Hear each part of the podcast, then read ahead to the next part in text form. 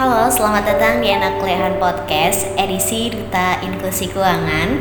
Sebenarnya ini adalah materi training tatap muka terakhir yang diberikan oleh Dika kepada para duta.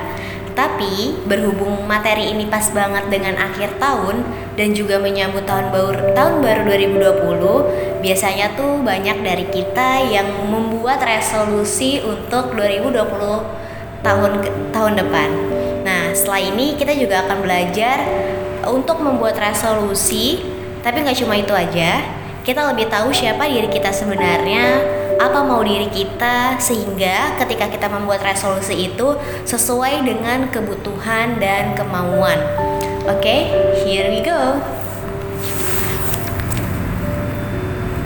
Dan sekarang ini aku kerja di Daya Dimensi Indonesia. Ada yang pernah dengar nggak di dia? Enggak sih biasanya karena kecuali kamu orang BUMN iya kamu pernah dengar.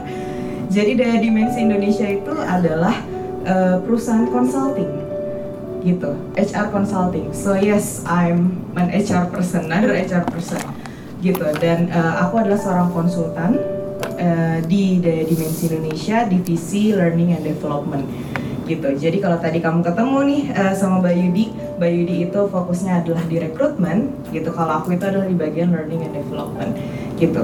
Apa sih learning and development? Areanya tuh seperti mentoring, training, coaching seperti itu. Gitu ya. Nah, aku sengaja nih nulis uh, apa namanya? Sebelum aku ke Daya Dimensi itu aku kerja di mana dan kuliah di mana kalau teman-teman lihat nih dari sini ada yang notice sesuatu nggak dari perjalanan hidup aku? Ada yang aneh nggak? Kenapa kuliahnya? Dua tahun untuk di binus. Di binus dua tahun doang. Di binus dua tahun doang. Mungkin itu satu dua tahun. Kenapa? Kayak harusnya kan kalau misalkan binus S1 empat tahun, tiga tahun empat tahunan. Yes. Tapi saya dari situ binus nggak tahu kalau itu vocational ya tapi kalau S1 harusnya kan empat tahun. Betul, betul. Yes, thank you. Benar.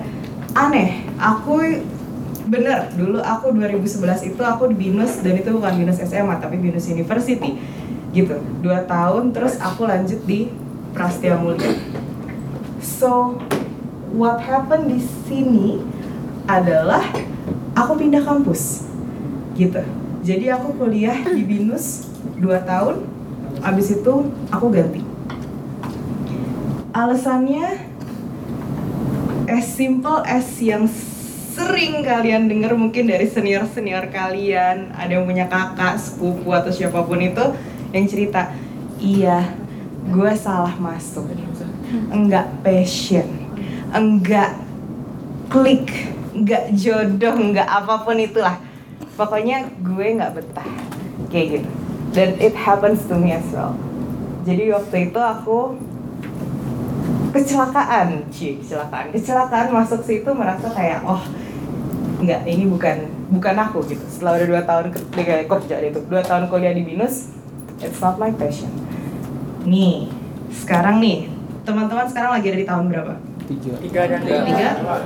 tiga. dua. Dua tiga. Dua dan tiga. Ada nggak yang sampai sekarang ngerasa kayak uh, kampus gue uh, jurusan gue ngaku. Ada nggak? Atau sekarang kayak oh enggak enggak it's okay it's okay. Udah oke aja oke. Udah ikhlas ya? Udah ikhlas beda ya. Udah udah udah kayak udahlah gitu. Kayak udahlah gitu. Atau ada nggak yang lagi struggling dengan kayak aduh pilihan gue tuh bener nggak sih? Gitu. Gue tuh sebenarnya bener nggak sih di jurusan ini? Ada nggak? Ada. Ada. Oh adanya ini banget nih. Langsung buff ada. Gitu. nah it's okay. It's okay. Itu normal terjadi gitu. Ya aku adalah salah satu bukti nyata produk nyata dari uh, keraguan itu waktu itu. Bener nggak sih gue tuh sebenarnya harusnya ada di jurusan ini gitu? I didn't say about the university university is like very great tapi aku ngomong mengenai jurusannya gitu. Bener nggak sih gue tuh sebenarnya uh, di jurusan itu gitu? By the way dulu aku dari desain interior terus akhirnya aku pindah ke Prasmo jadi bisnis gitu. Agak jauh ya dari desain tiba-tiba bisnis. Nah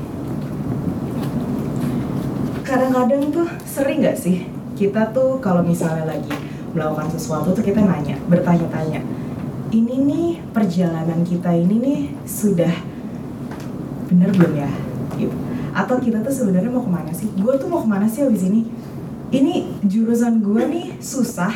Emang jurusan yang susah atau gue yang nggak cocok di sini sih? Tuh ada yang udah ketawa-tawanya bahagia banget kayak iya iya gitu atau kayak gue tuh dulu waktu kecil cita-citanya mau jadi dokter. Kenapa gue sekarang arahannya pengen jadi banker gitu misalnya? Apa sih gitu? Kenapa sih gue? Kenapa sih gue? Nah di sini yang sebenarnya pengen banget aku diskus bareng sama teman-teman adalah ini bukan ilmu eksak.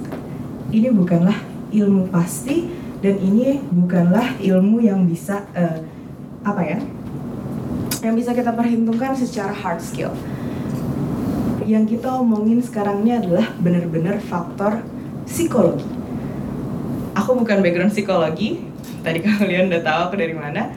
Tapi apa ya permainan pikiran itu begitu hebat sekalipun kamu bukan dari background psikologi dan bagaimana ketika kamu mengetahui itu. Betapa itu bisa berpengaruh bagi kamu sekarang dan nanti sampai future kamu 5 or even 10 years ahead. Gitu. Nah ini yang aku expect kita bisa discuss bareng-bareng.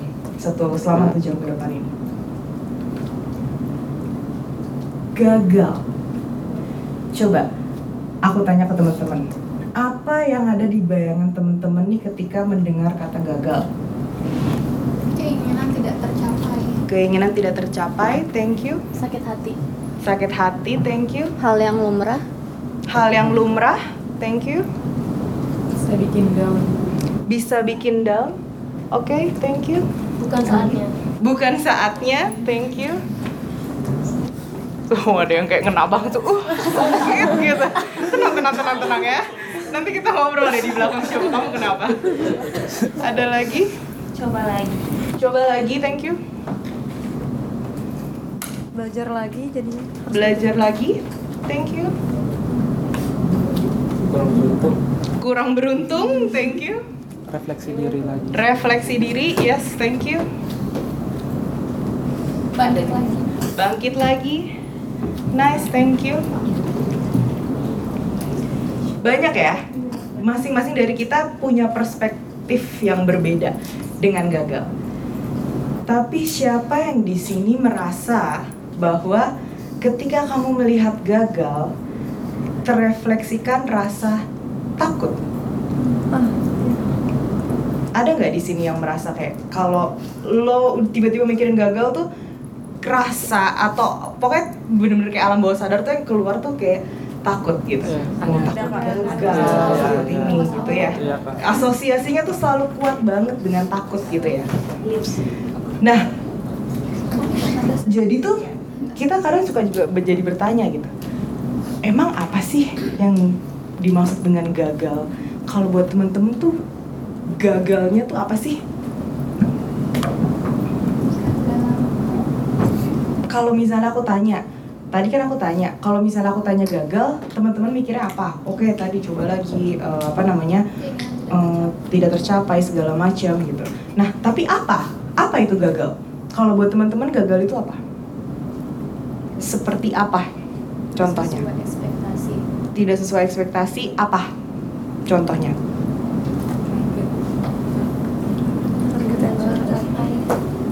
Ya. Kalau misalnya aku nargetin nilai examku 90 tapi ujung-ujungnya nggak nyampe di sana gitu. Itu buat kamu gagal. Oke, thank you for sharing. Ada lagi nggak? Momen yang membuat kamu bilang kayak, oh gue gagal. Tujuan kita nggak tercapai. Seperti contohnya, kalau buat kamu. Eh, misalkan saya pengen masuk ke kampus A, gitu. Mm-mm. saya ternyata nggak bisa nggak masuk di situ. Oke, gagal masuk ke kampus yang kita mau. Ya, Thank you.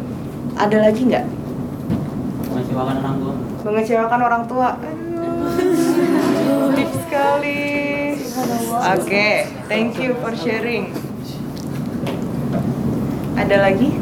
Eh, kalau di organisasi atau kepanitiaan terus eh, belum bisa mencapai target yang awal Oke, gagal mencapai target organisasi. Oke, cool. Thank you buat sharing.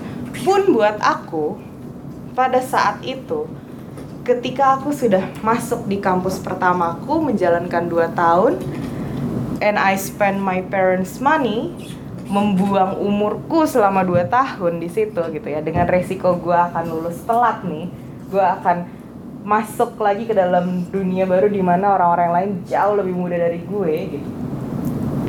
Gue merasa gue sangat gagal. Kayak oke I'm failing my life umur telat uh, money has been spent dan juga nggak bisa jaga muka gitu. Malu ketika teman-teman gue akhirnya udah pada lulus udah kerja 2 tahun gue masih di kampus. Kayak gitu. Itu buat aku ya. Sharing nah tadi kan teman-teman udah ngejelasin nih. Eh apa namanya? Nge-sharing. Seperti apa sih gagal untuk kalian? Aku punya pertanyaan berikutnya. Memangnya kenapa buat kalian itu adalah sebuah kegagalan?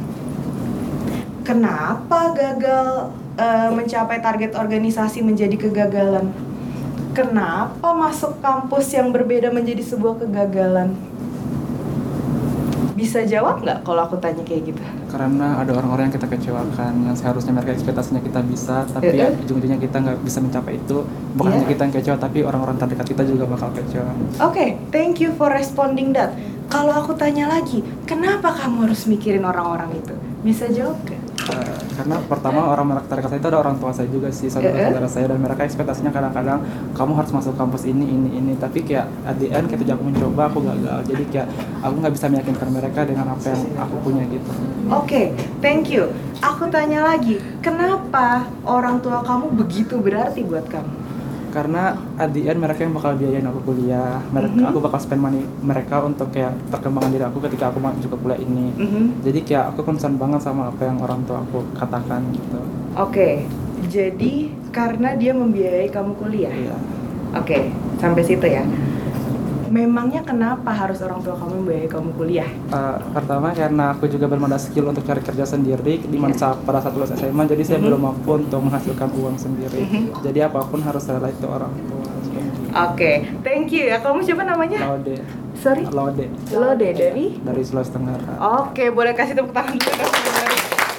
Oke, thank you Lode. Em, ini tadi pernah nggak sebelumnya Lode mikir sendiri gitu? Sebelum aku tanya, mikir aja sendiri gitu di rumah. Kenapa ya gue mesti masuk kampus itu? Kenapa ya orang tua gue mesti nuntut? Kenapa ya gue mesti nurutin orang tua? Pernah nggak nanya kayak gitu? Ah, sering sendiri? sih. Sering. Good job. Kalau teman-teman sendiri gimana? Jarak-jarak kosan sendiri Yes. kepikiran gitu Yes, thank you. Ada yang sudah lama sekali tidak pernah menanyakan itu kepada diri sendiri?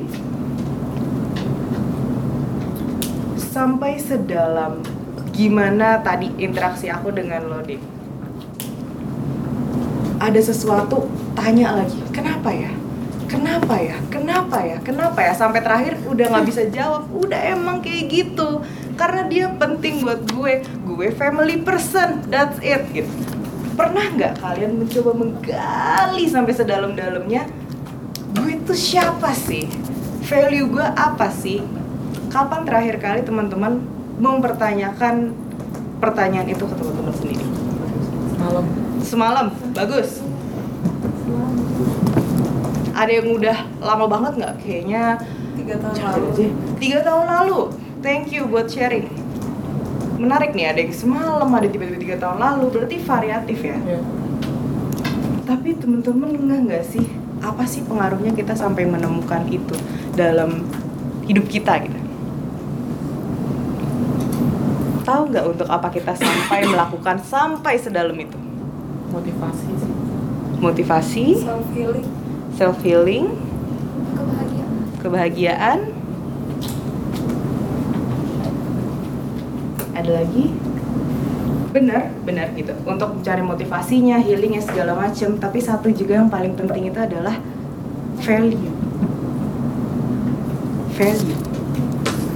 Ini relate dengan tadi eh, yang diceritakan oleh eh, Bayudi di sharing oleh Bayudi gitu ya mengenai kalian mencari tempat kerja segala macam ini small sharing aja bahwa value kalian dari dalam diri itulah yang nanti akan membantu kalian menentukan seberapa eh, apa ya menentukan tempat kerja seperti apa yang nyaman bagi kalian yang di mana memang oke tempat kerja ini gue banget. Kalian akan menemukan banyak cerita di mana orang-orang akan kerja lembur bagi kuda dan tetap happy dan kerja lembur bagi kuda dan benar-benar jadi kuda gitu yang kayak ah capek banget gue dan itu as simple as karena the value is match gitu. Makanya itu penting banget buat kita tuh untuk ada periodically doing the self conversations itself nah kalau aku tanya nih kenapa sih kalian ada di sini? Kedengeran gak sih? Aku nggak pakai mic. Enakan pakai mic atau nggak pakai mic? Pakai. Oke, oke. Kenapa sih kalian ada di sini? Kalau aku tanya. Kenapa kalian ada di ruangan ini? masa depan mencari masa depan lebih cerah? Mencari masa depan lebih cerah? Kenapa harus di ruangan ini? ya ini salah satu medianya Oh gitu. Kenapa kamu memilih ini sebagai medianya?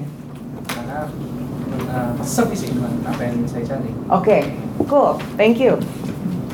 Kalau yang lain gimana? Kenapa kalian ada di dalam ruangan ini? Karena sejalan dengan jurusan. Sejalan dengan jurusan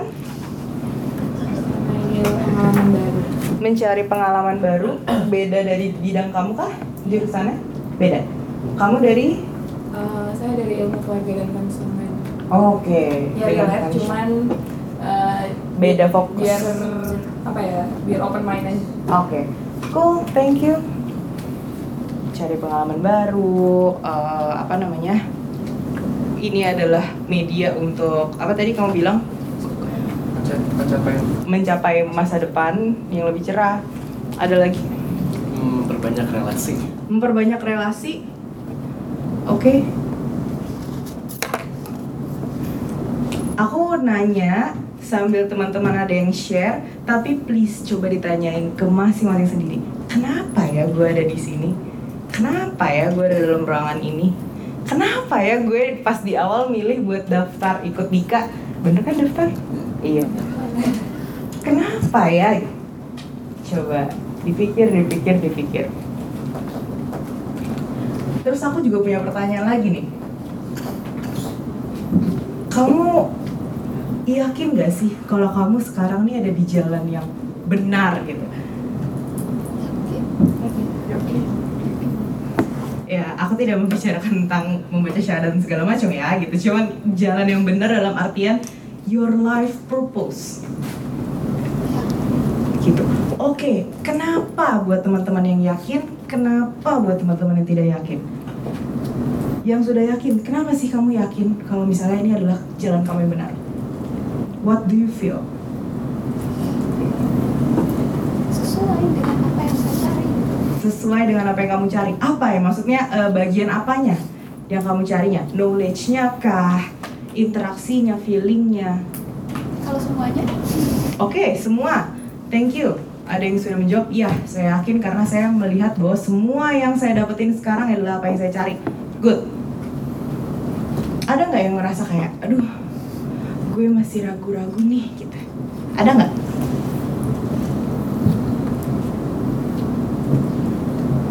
Ragu, bahkan ragu-ragu untuk menjawab, ya nggak ya? Gue udah mana sekarang? Halo, gitu. Halo dunia, dunia, turun dulu yuk ke bawah. Yuk, roh-rohnya dikembalikan lagi. Jadi gimana? Ada nggak nih teman-teman yang merasa bahwa oh sekarang ini belum?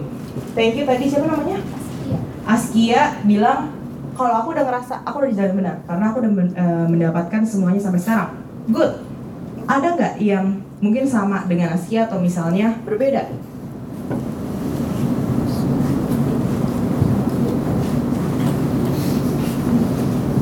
Mau nanya kak maksudnya eh, jalan yang benar ini kita berada di sini itu jalan yang benar atau sehidup kita itu sudah di jalan yang benar gitu atau secara keseluruhan atau kita Oke, thank you, thank you buat nanyain. Maksud aku di jalan yang benar ini adalah kamu merasa bahwa ini tuh jalan yang apa namanya sejalannya kamu ini nih. Oh, ini sudah sesuai dengan kehidupanku, apa yang aku mau, dan memang aku ditakdirkan untuk ini. Gitu. ada nggak yang yes sudah atau misalnya enggak belum Enggak.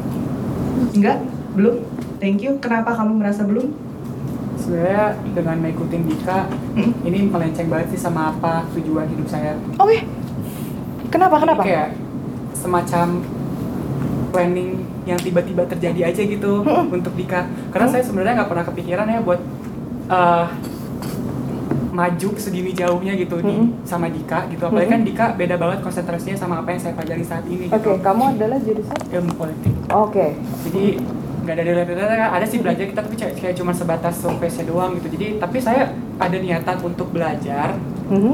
jadi sebenarnya ya udahlah kita ikutin aja deh aku pengen ikut aja purpose aku kayak udah di ilmu politik aku suka di situ segala macam tapi ada pengen keingin tahuan untuk belajar tentang itu karena ada mata Hmm. kuliah juga tentang itu tapi aku Iya. nggak tahu aku harus mulai dari mana dan kapan gitu kan Mm-mm. dan nggak ada source juga saat itu Mm-mm. tapi pas saya lihat Dika ada saya lihat informasi tentang ini segala macam oh menarik juga nih ya udah Mm-mm. tiba-tiba saya belok deh sekarang jadi ya contohnya saya ini kayak planning yang tiba-tiba aja. Oke, thank you. Tadi siapa namanya? Abel Abel. Thank you Abel buat sharing.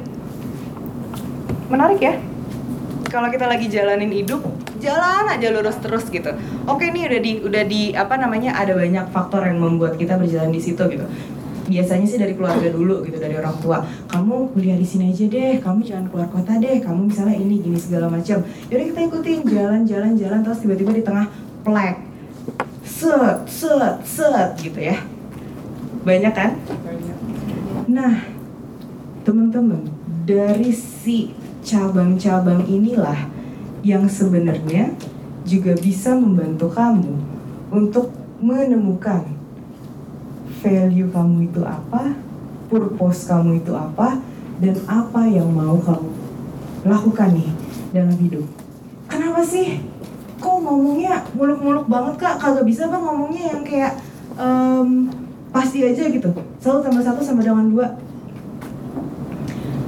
Gak bisa. Karena ini bukan sekali lagi kita bukan ngomongin mengenai how to and you will exactly getting that. Bukan. Tapi setiap dari kita itu unik dan kalau kamu sekarang setiap dari kamu ketika aku tadi masih menanyakan ketika kamu melihat gagal kamu punya rasa takut nggak? Ada. Itu artinya kan kalian ingin kebalikannya dari gagal which is sukses. dan kalian punya definisi masing-masing dari sukses betul. Dan ketika kalian mau menuju sukses itu kalian kan mendefine emangnya sukses buat aku tuh seperti apa sih Loh kalau aku tanya kamu sukses tuh buat kamu itu apa? Kamu jawab ini. Terus aku tanya, yakin? Loh ya kalau misalnya jawabannya masih beda-beda atau bisa tiba-tiba, iya yakin sih. Tapi aku tiba-tiba eh, bercabang nih, ngelihat opportunity, belok, belok, belok. Ya berarti belum tentu itu sukses yang eh, apa namanya mau kamu tuju atau belum tentu itu kamu langsung nemuin purpose kamu di hidup seperti apa. Gak masalah mencoba di sana sini sana sini sana sini. Gak masalah. Justru itu adalah salah satu cara buat kamu menemukan apa yang kamu mau. Tapi jangan sampai yang kamu jalanin ini nantinya jadi penyesalan buat kamu.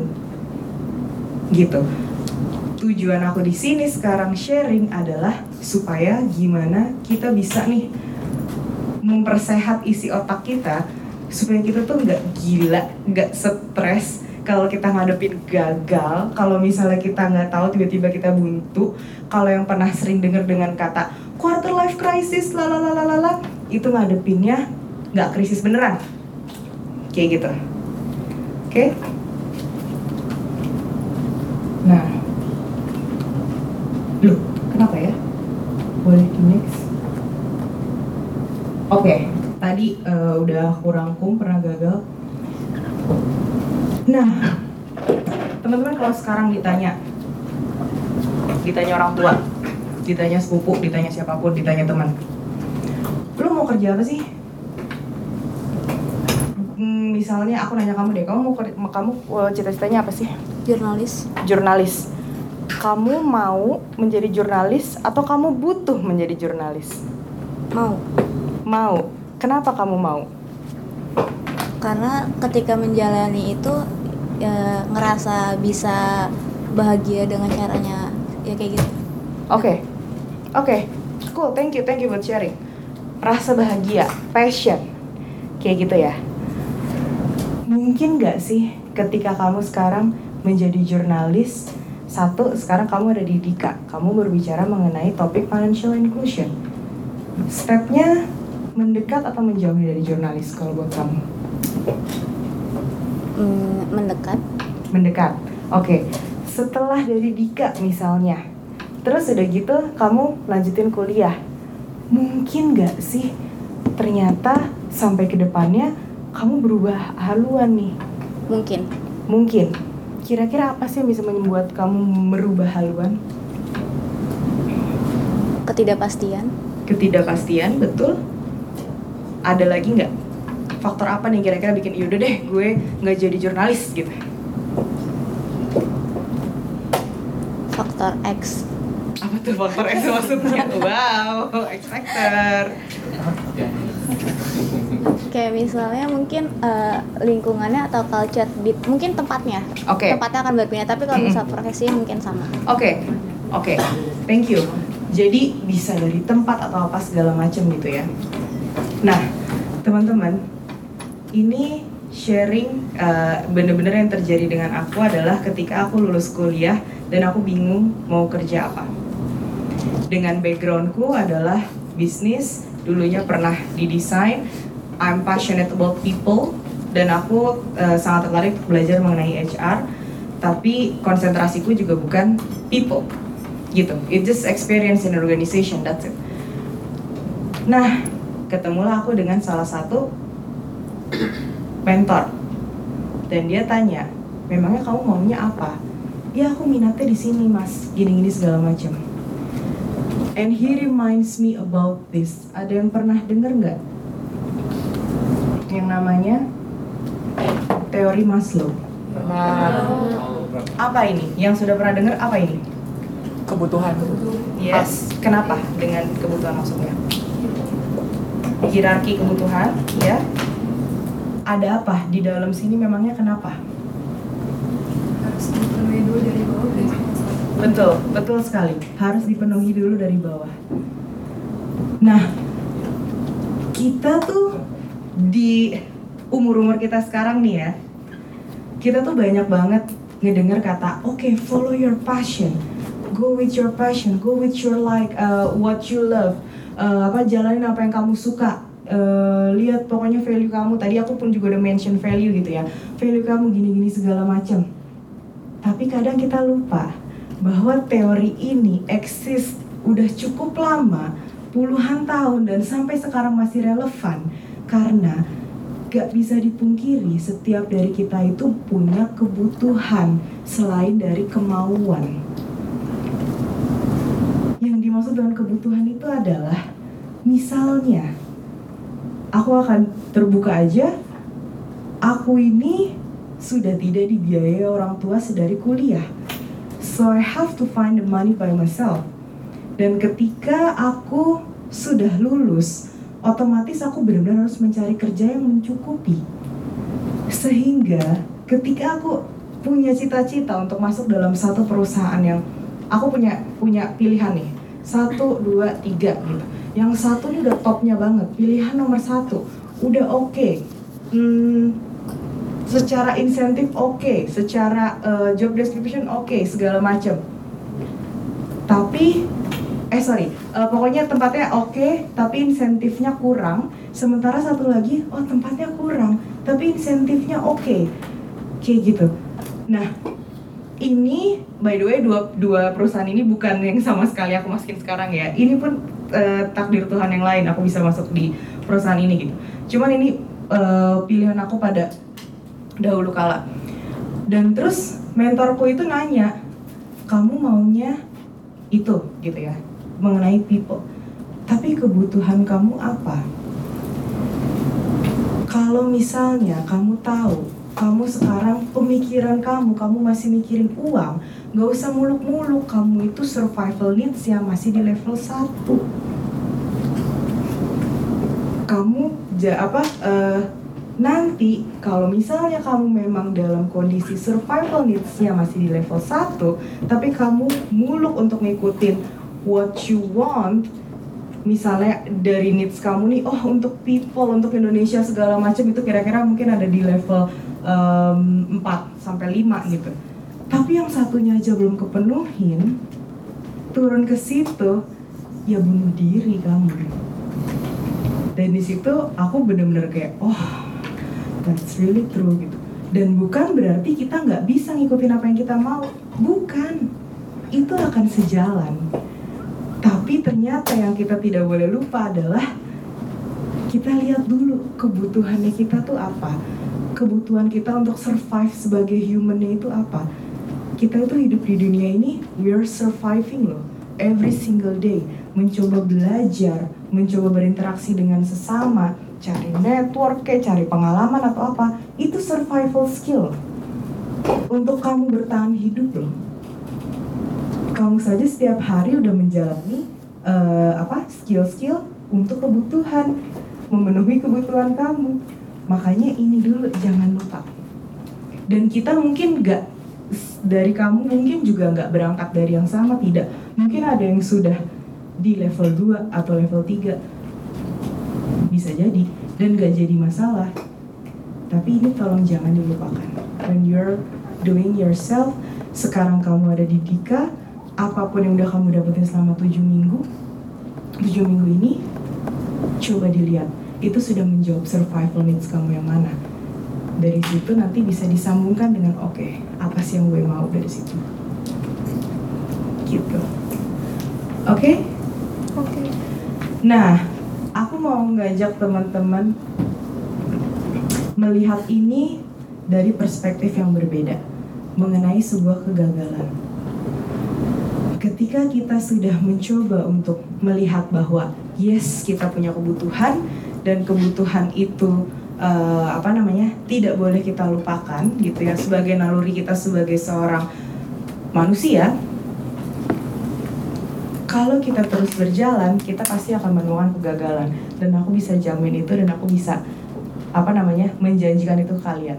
Selama kalian hidup dan selama kalian menuju ke depan, kalian pasti akan gagal.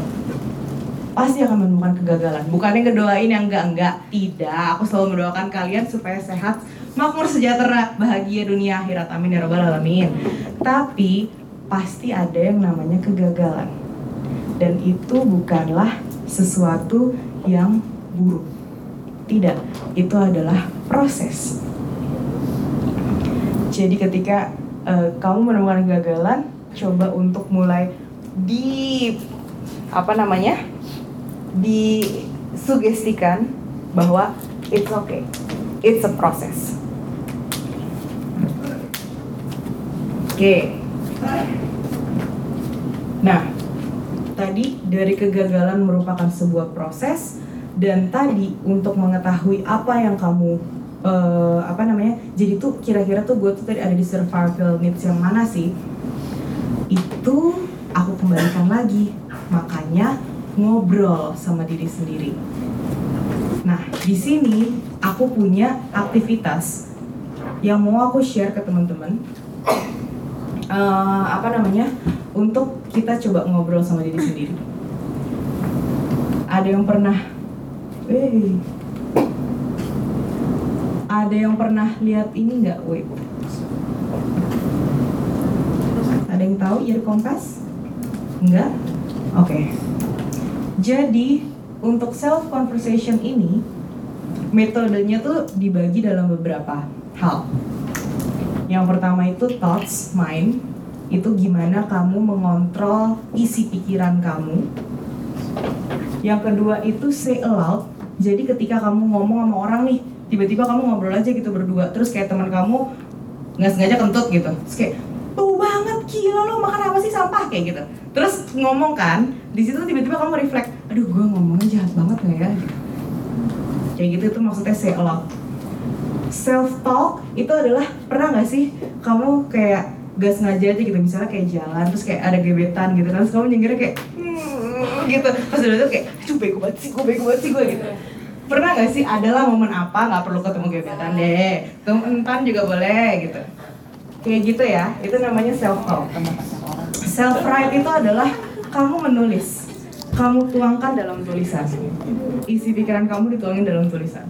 Kalau audio talk ada yang suka dengerin podcast? Ada.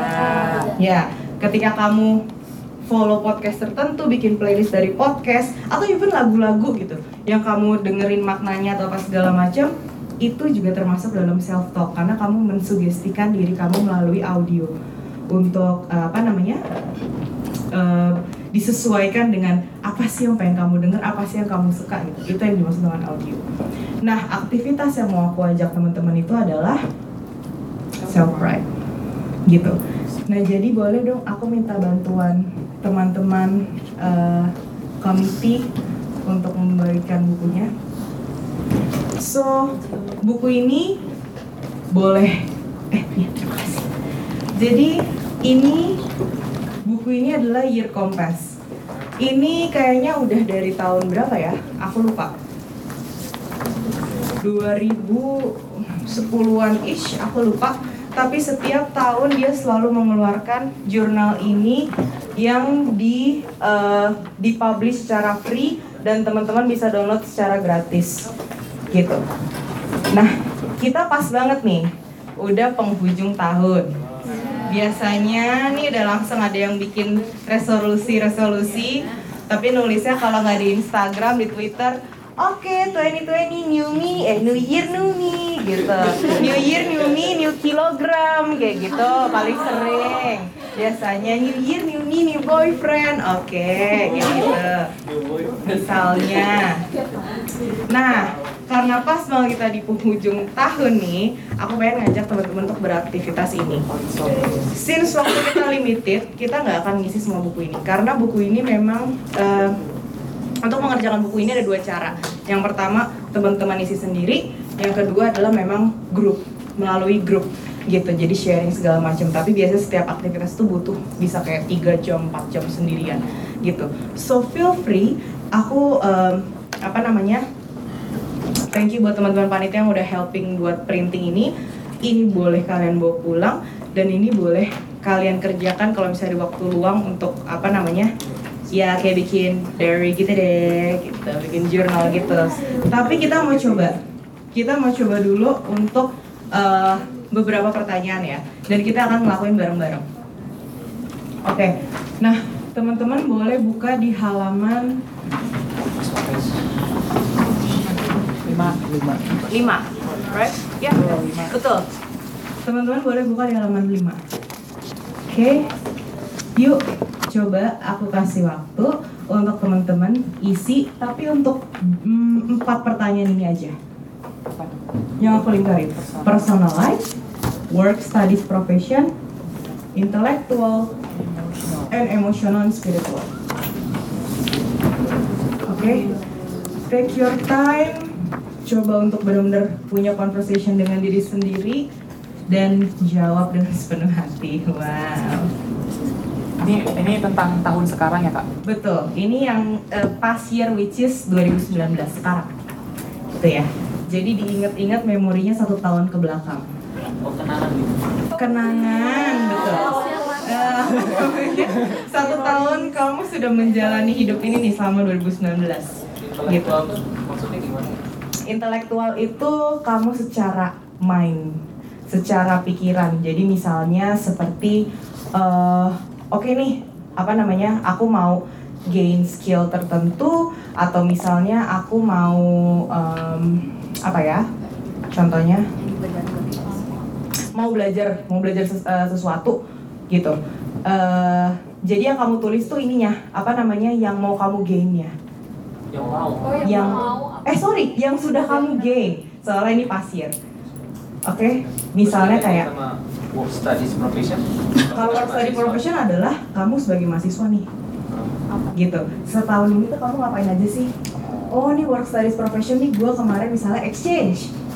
Gitu. Gue exchange terus udah gitu gue ngapain eh, kegiatan kampus kegiatan kampus gue heboh eh, kegiatan kampus gue em, sibuk kayak gitu intelektual itu misalnya kayak oh eh, gue jadi secara apa gue belajar matematikanya tuh jadi kayak oke banget nih misalnya. Kalau matematik gue dari 50 tiba-tiba bisa jadi 100 gue bisa mengerti statistik dengan sangat baik kayak gitu. Oke? Personal? Personal bener gimana sih? Personal. Awal. Biar dijelasin. Gimana? juga. personal. Oke. Jadi gini ini past year. This is what my last year was about aspek apa yang paling penting buat kamu di area ini pada tahun 2019 Ingat ya, aspek apa yang paling penting buat kamu di tahun 2019 Apa yang terjadi atau event apa yang paling penting di summarize? Personal life, misalnya akhirnya pertama kali gue dapet pacar. Gitu. Kayak ada yang langsung relate kayak atau misalnya adik gue lahir dan gue pertama kalinya punya adik misalnya. Kayak gitu. Atau ya amit-amit yang kurang baiknya oh mm, om gue yang deket banget sama gue dari kecil meninggal misalnya amit-amit gitu. Jangan sampai misalnya gitu. Jadi sesuatu yang benar signifikan banget buat kamu Oke, itu personal life and family, work studies profession. Oh, tahun ini gue masuk universitas baru. Oh, tahun ini gue exchange. Oh, tahun ini eh, gue ada di organisasi, tapi organisasinya ngeselin banget gitu karena gue jadi capek kayak gitu. Intelektual yang kayak tadi ya. Oh, gue tahun ini tiba-tiba jadi bisa statistik. Oh, tahun ini gue pinter apa? Emotional, spiritual.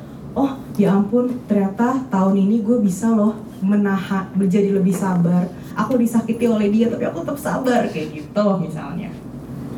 Oke? Bukan friendzone. Ini contoh, contoh, contoh guys, contoh. Tadi kan dia tahu tadi ngerti. Untuk kita, kira-kira ngecek nih, apakah kita sudah di jalan yang benar atau belum? Apakah kemauan kita itu sudah berangkat dari kebutuhan kita yang sudah terpenuhi atau belum? Atau kayak apa sih sebenarnya mau gue?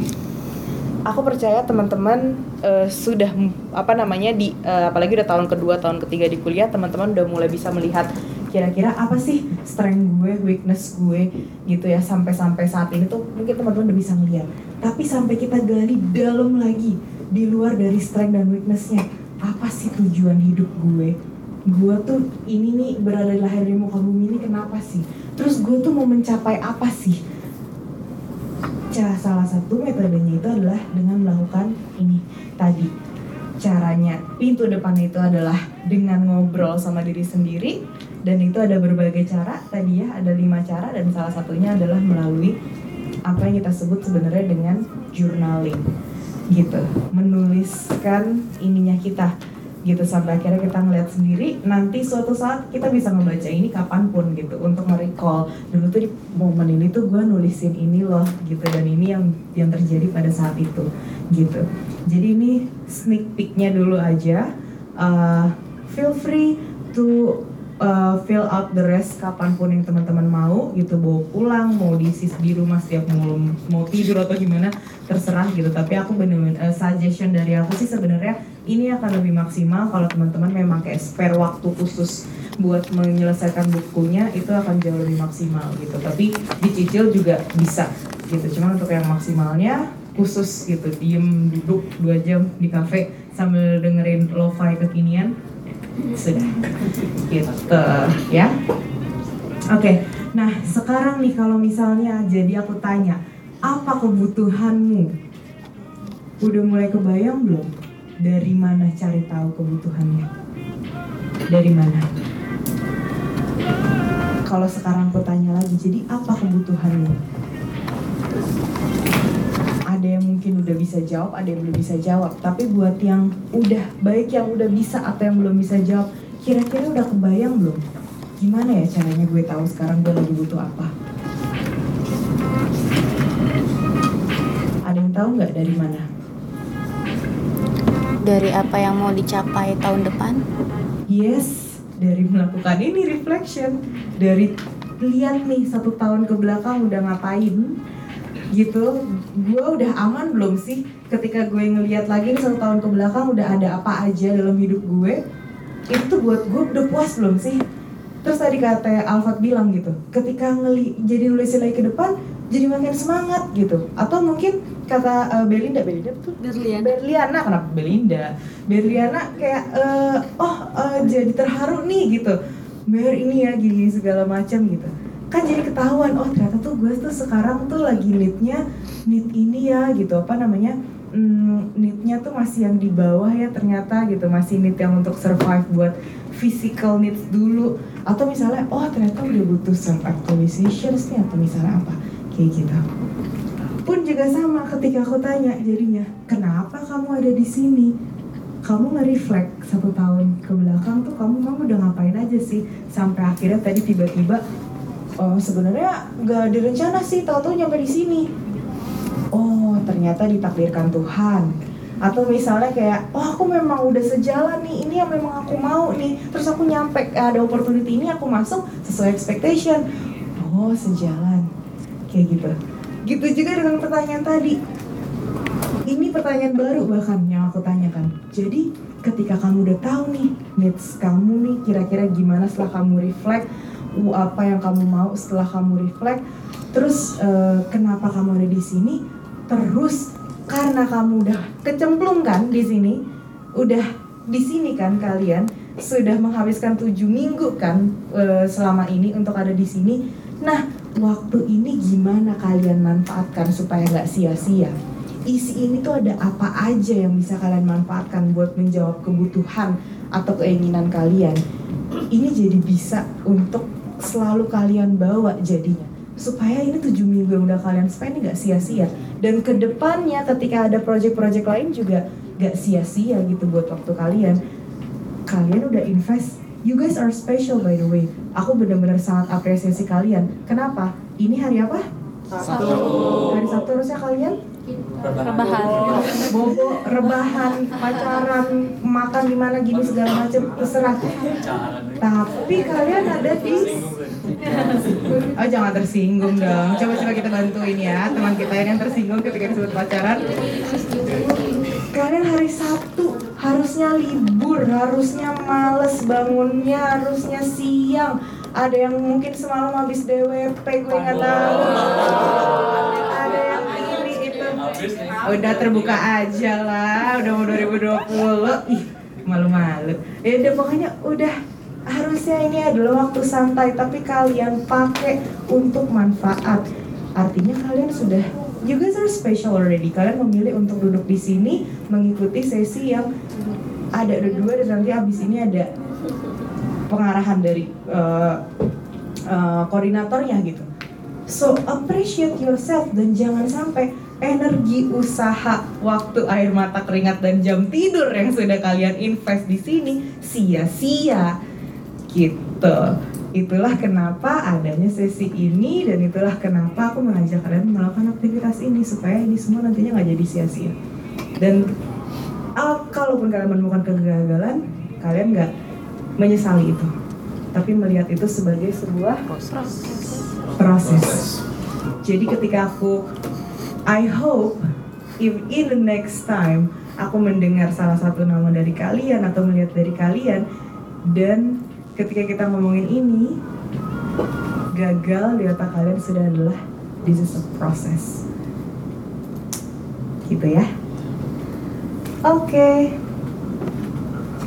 Ini quotes cantik aja dari aku adalah self talk is the most powerful uh, form of communication karena it either empowers you or defeat you.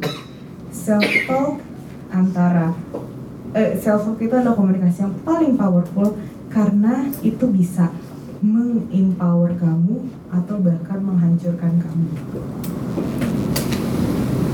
Gitu. Jadi please utilize this method very very well. Kalau mau tahu, emang yang ngancurin itu gimana maksudnya? Gampang, buka aja atau ngaku kalau misalnya ada.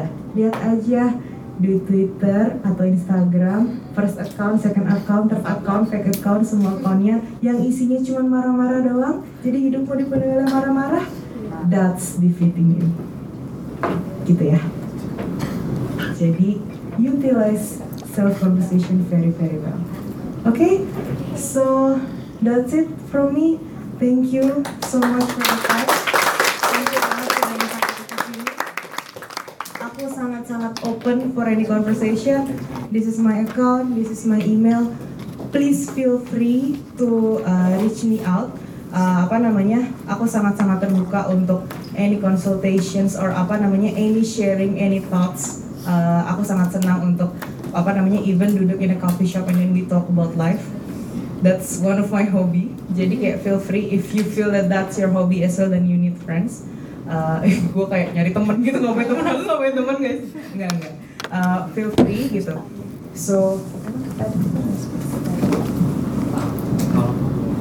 Oh, oke. Eh, Berapa waktunya kak?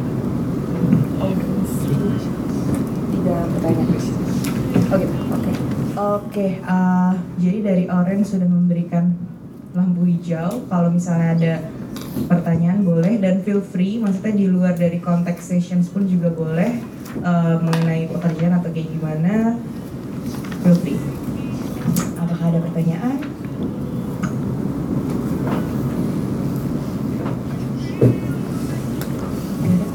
Pertanyaannya pribadi saja. Ada pribadi tanya pribadi saja juga boleh. Gak ada? Iya, dibilang aku mau pulang, tiba-tiba angkat tangan. Oke, ya boleh. Eh, aku pengen nanya yang tentang tadi sih yang yakin kita udah bener atau enggak gitu.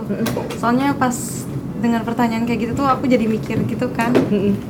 Terus kayak gimana ya? Jadi tuh kayak pas ditanya kayak gitu tuh aku pengen ngomong yakin. Kayak ngerasanya aku udah capek banyak hal gitu kayak hal-hal yang positif gitu aku udah capek. Tapi awal itu tuh ini tuh bukan kemauan aku gitu. Tapi lambat laun tuh jadi kayak oh ya udah terus aku bisa adaptasi ternyata kalau kayak gitu tuh jadinya yakin ada di yang benar atau enggak sih Oke, thank you. Eh, siapa namanya? ah ya nama aku Kolva dari UPN VJ Eh, Kolva? Kolva Kolva. Oke. UPNPJ, veteran eh, Iya. Jakarta. Oke, Kolva, thank you pertanyaannya. Jadi tuh gimana sih sebenarnya untuk tahu kita ada di jalan yang benar atau enggak gitu ya? Kolva, tidak ada jawaban yang pasti. Tapi yang bisa kamu jadikan patokan adalah itu yang biasanya kita sebut dengan passion. Passion, apa sih pengertian teman-teman tentang passion? yang Yang kamu bisa kuasai, yang kamu suka gitu ya biasanya. Tapi passion itu meaningnya sebenarnya cukup dalam. Passion itu mirip dengan gimana rasa kita mencintai sesuatu. Passion terhadap seseorang, passion terhadap melakukan hal, passion terhadap hidup atau gimana, rasanya tuh sama seperti cinta. Artinya, ketika kamu menjalankan sesuatu yang sesuai dengan passion kamu, ada pengorbanan. Dan kamu rela untuk berkorban. Gitu. Jadi, kalau buat aku ya, Kolva ya, sekali lagi, tidak ada jawaban eksak. Karena ini adalah tugas kamu untuk menemukan. Apakah memang ini jalan kamu yang sudah benar atau belum. Tapi, coba di-reflect. Coba di-recall lagi tuh lebih dalam sampai sampai momennya Kolva sekarang ini tuh udah ngapain aja sih di belakang dan apakah pengorbanan-pengorbanan yang Kolva jalankan di belakang ini tuh worth it gak sih? Kolva tuh em, meskipun menangis-nangis gitu ya misalnya gitu kalau nangis-nangis gitu kalau enggak juga nggak apa-apa. Jadi kalau nangis-nangis tuh di belakang tuh sekarang tuh tapi puas nggak sih sama diri sendiri kayak ah gue ada di sini gue ikut Dika terus kayak oke this is the place gitu. Atau misalnya kayak oh Dika tuh ternyata challenging ya. Tapi gue seneng karena sejalan sama kampus gue. Kampus gue tuh eh apa jurusan gue jurusan gue tuh oke banget. Gue tuh seneng banget. Meskipun gue begadang tiap hari misalnya kayak gitu.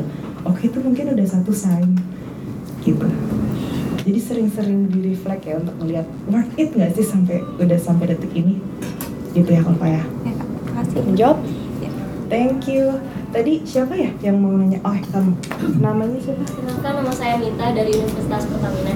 Kita bertanya ke pengalaman kakak mungkin ya, pernahkah di, situ- di situasi dilema bahkan dilema dalam suatu keputusan? Dan akhirnya eh, apakah kan misalnya untuk memutuskan tuh menunggu, eh, menunggu waktu yang agak lebih lama untuk memutuskan. Dan itu kan tergantung diri kita sendiri. Apakah pernah juga tanya ke orang lain dan keputusan itu yang diambil dari orang lain tuh pernah nggak? Kakak seperti itu Eh, Mita tadi? Ya? iya. Mita. Jawabannya adalah sering tenang. Karena itu normal. Dan setiap orang itu punya fasenya eh, masing-masing. Ada orang yang tipe decision makingnya tuh cepat. Karena memang it's his eh, itu strengthnya dia. Ada yang tipenya overthinking. Butuh banyak pertimbangan kepikiran kepikiran kepikiran terus sampai botak gitu. Ada. Ada yang di tengah-tengah itu ada jadi setiap orang yang pertama eh, buat menjawab Mita adalah setiap orang itu punya fasenya ketika harus mengambil sebuah keputusan. Untukku personally, yes, karena aku adalah sebenarnya salah satu orang yang tipenya itu butuh banyak scientific data untuk aku mempercayai sesuatu, gitu. Jadi ketika aku apa namanya mm, mengambil decision, aku tuh selalu tanya dulu backgroundnya apa, datanya apa, resikonya apa. Jadi benar-benar bikin planningnya tak tak tak tak. Tapi sayangnya tidak semua keputusan seindah itu. Kadang banyak keputusan yang kayak yaudah lo lompat ke jurang sekarang atau enggak? Eh, apa? Sekarang lompat atau lo nggak lompat? Tapi kalau lo nggak lompat eh, misalnya duit lo gue ambil jawab dalam tiga detik tiga dua satu kayak gitu. Yang tipenya benar-benar harus jawab sekarang juga antara hidup dan mati. Ada. Nah itu tuh jadi gimana kemampuan kita untuk apa ya melatih diri kita berada di suatu situasi ter- eh, seperti itu gitu. Yang terjadi padaku adalah dulu ketika aku mengambil keputusan it takes like a lot of times dan orang-orang banyak yang kesel gitu. Karena kayak wah Azza ini kalau ambil keputusan tuh lama banget kesel banget padahal udah terakhir tuh udah keputusan terakhir tuh di Azza. Udah Azza doang tinggal Azza bilang kayak oke udah oke tapi ini lama banget. Akhirnya merugikan yang lain. Jadi kita mesti sering-sering nih latihan. Oke gimana caranya kita mengambil critical decisions? Gimana caranya kita melihat yang paling penting paling relevan seperti apa untuk ambil decisions ya? Dan apakah boleh untuk meminta bantuan dari orang lain? Of course boleh gitu. Dan bahkan kalau misalnya kayak oke Za keputusan lo apa? Gue minta saran dari lo lebih baik kayak gimana? Kalau misalnya kita tidak mampu ya nggak ada salahnya kita minta bantuan orang lain dan orang lain yang akhirnya kayak oke punya saran seperti ini. Itu nggak masalah.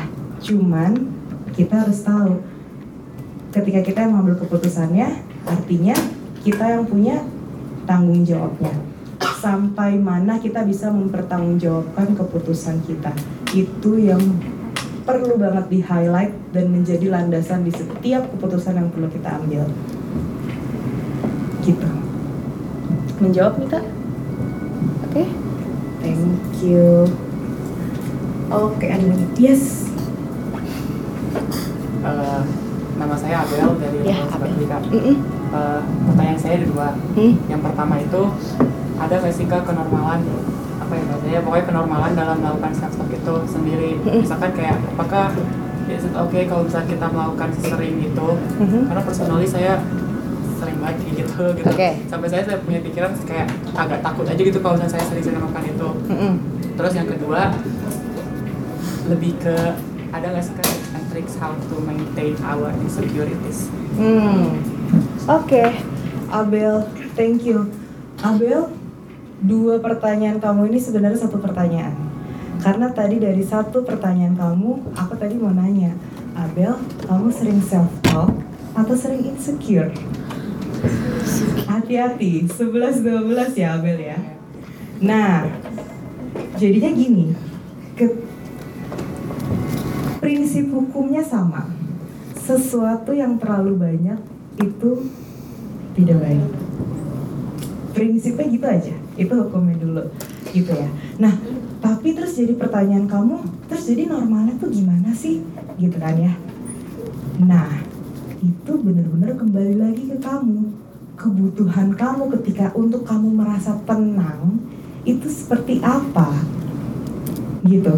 Karena bedakan ini memang kamu dari lahir seperti itu atau ada momen yang nge-trigger kamu sehingga kamu selalu merasa insecure. Ada. Kayak tadi misalnya aku bilangin tentang quarter life crisis gitu ya. ya orang lagi quarter life crisis ya lagi crisis gitu. Tiap hari gitu aja gitu kerjanya. Kri- krisisnya beda-beda gitu. Ada yang tiba-tiba kayak uh gue bipolar lalala gitu. Misalnya misalnya gitu. Kayak gitu ya ada aja gitu. Dan it's a momen hidup gitu loh. Itu adalah sebuah fase gitu. Dan is it normal? It's normal. Setiap orang itu pasti asalkan orang itu jalan terus ya asalkan orang itu maju terus dan tetap hidup. Artinya tidak berhenti tidak menyerah dan tidak dan masih berna, eh, tidak bernapas gitu ya. Dia pasti akan selalu menghadapi banyak nih hurdles hurdles hurricane segala macam badainya tuh ada. Gitu. Jadi kembali lagi tadi ke kamu memang butuhnya tuh sekarang tuh lagi di periode apa sih apa memang kamu lagi di periode yang kita sebut oke ini lagi krisisnya gue nih memang gue lagi butuh banyak banyaknya nih reflection atau talking with people atau misalnya apa please do gitu.